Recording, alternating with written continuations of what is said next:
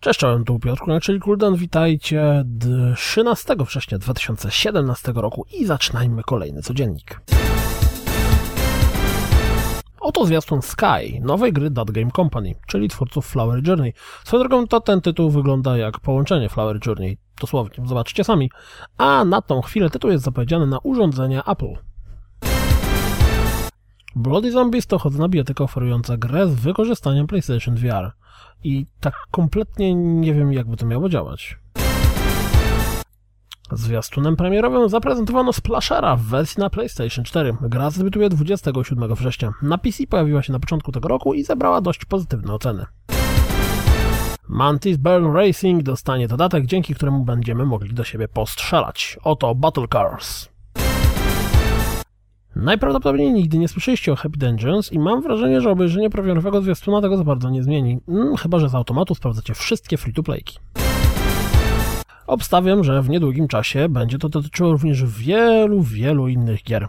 Fortnite właśnie dostał tryb Battle Royale i mamy z tej okazji zwiastun i trochę fragmentów rozgrywki oraz omówienie IGN-u jak to tam wygląda.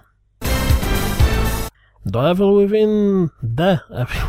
The Evil Within 2 dostał fajnie zmontowany zwiastun pokazujący trochę akcji i trochę nastrojowych klimatów. Press zapewne przebiera nóżkami z niecierpliwości.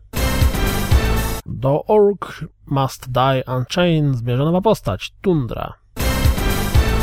Oto premierowy zwiastun Planet of the Ice. Ktoś tam narzekał, że ma mało platformy 2D?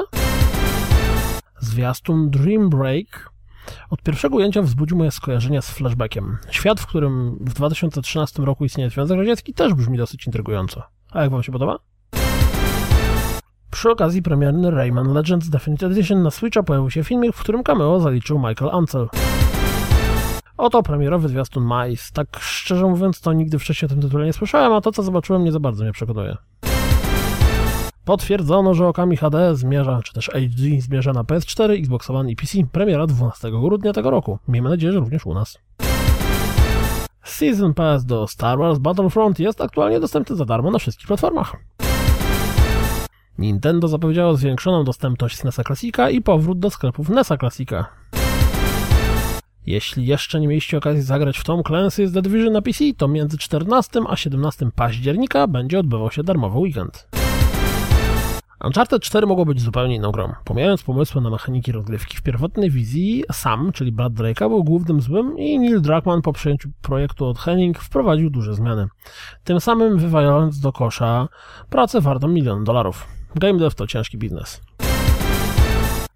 Hashtag żyjemy w ciekawych czasach. W Destiny 2 jeden z naramienników swoim wyglądem nawiązuje do kultury memów zbudowanych wokół tzw. Tak smutnej żaby, pozdrowienia dla Jakuba, czyli tzw. Tak kekistanu od kek który to jest ten symbol i cały Kekistan i cała reszta odbierana jako mowa nienawiści. Z tego powodu Bungie postanowiło usunąć ten model z gry. Co? Oto pierwsze 11 minut z Metroid Samus Returns. W weekend na Eurogamerze pojawił się dość interesujący artykuł o powstawaniu w wielkich bólach Alpha Protocol. Warto przeczytać, ale na ciekawy fakt zwrócił uwagę Dominik Gąska z podcastu Niezatapialni. Na dole artykułu znajduje się informacja, z której wynika, że koszty przelotu i noclegu dla autora zapewnił Paradox Interactive. Tu rodzi się pytanie, czemu za artykuł o starej grze Obsidianu, do której prawa aktualnie ma Sega, koszty miał ponosić Paradox? Dla przypomnienia, Paradox był wydawcą zrobionych przez Obsidian Pilarsów.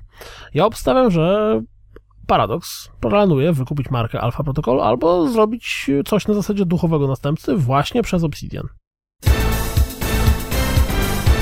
To wszystko na dziś. Jak zawsze dziękuję za słuchanie. Jak zawsze zapraszam na www.rozgrywkapodcast.pl Jeśli doceniacie moją pracę, wesprzyjcie mnie na Patronite i mam nadzieję słyszymy się jutro. Trzymajcie się. Cześć!